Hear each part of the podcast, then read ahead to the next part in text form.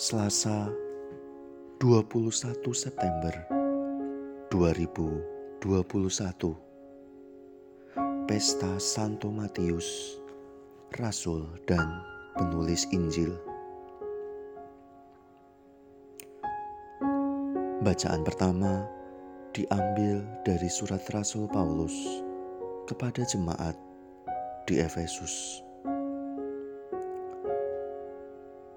Saudara-saudara, aku orang yang dipenjarakan karena Tuhan menasehati kamu, supaya sebagai orang-orang yang telah dipanggil, kamu hidup sepadan dengan panggilan itu.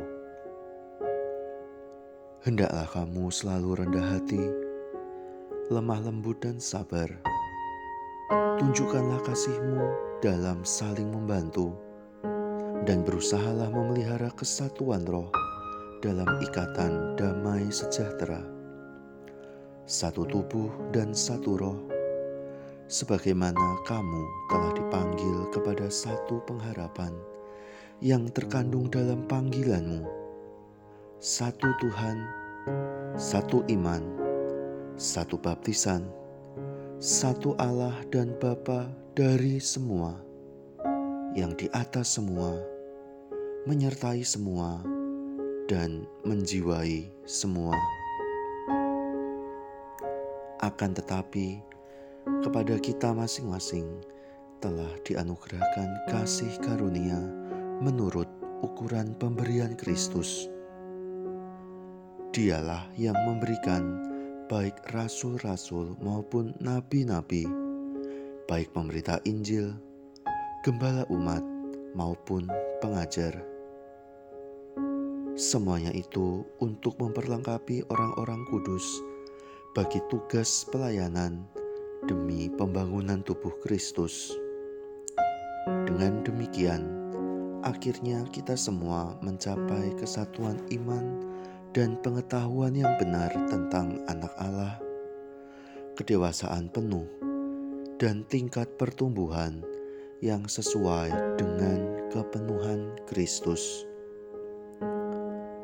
Demikianlah sabda Tuhan. Syukur kepada Allah. Bacaan Injil diambil dari Injil Matius bab 9 ayat 9 sampai 13. Pada suatu hari Yesus melihat seorang yang bernama Matius duduk di rumah cukai Yesus berkata kepadanya, "Ikutlah aku." Maka berdirilah Matius, lalu mengikuti dia. Kemudian, ketika Yesus makan di rumah Matius, datanglah banyak pemungut cukai dan orang berdosa makan bersama-sama dengan dia dan murid-muridnya. Melihat itu, Berkatalah orang-orang Farisi kepada murid-murid Yesus, "Mengapa gurumu makan bersama dengan pemungut cukai dan orang berdosa?" Yesus mendengarnya dan berkata, "Bukan orang sehat yang memerlukan tabib, melainkan orang sakit. Maka pergilah dan pelajarilah arti firman ini." Yang ku kehendaki ialah belas kasihan dan bukan persembahan. Karena aku datang bukan untuk memanggil orang benar, melainkan orang berdosa. Demikianlah Injil Tuhan. Terpujilah Kristus.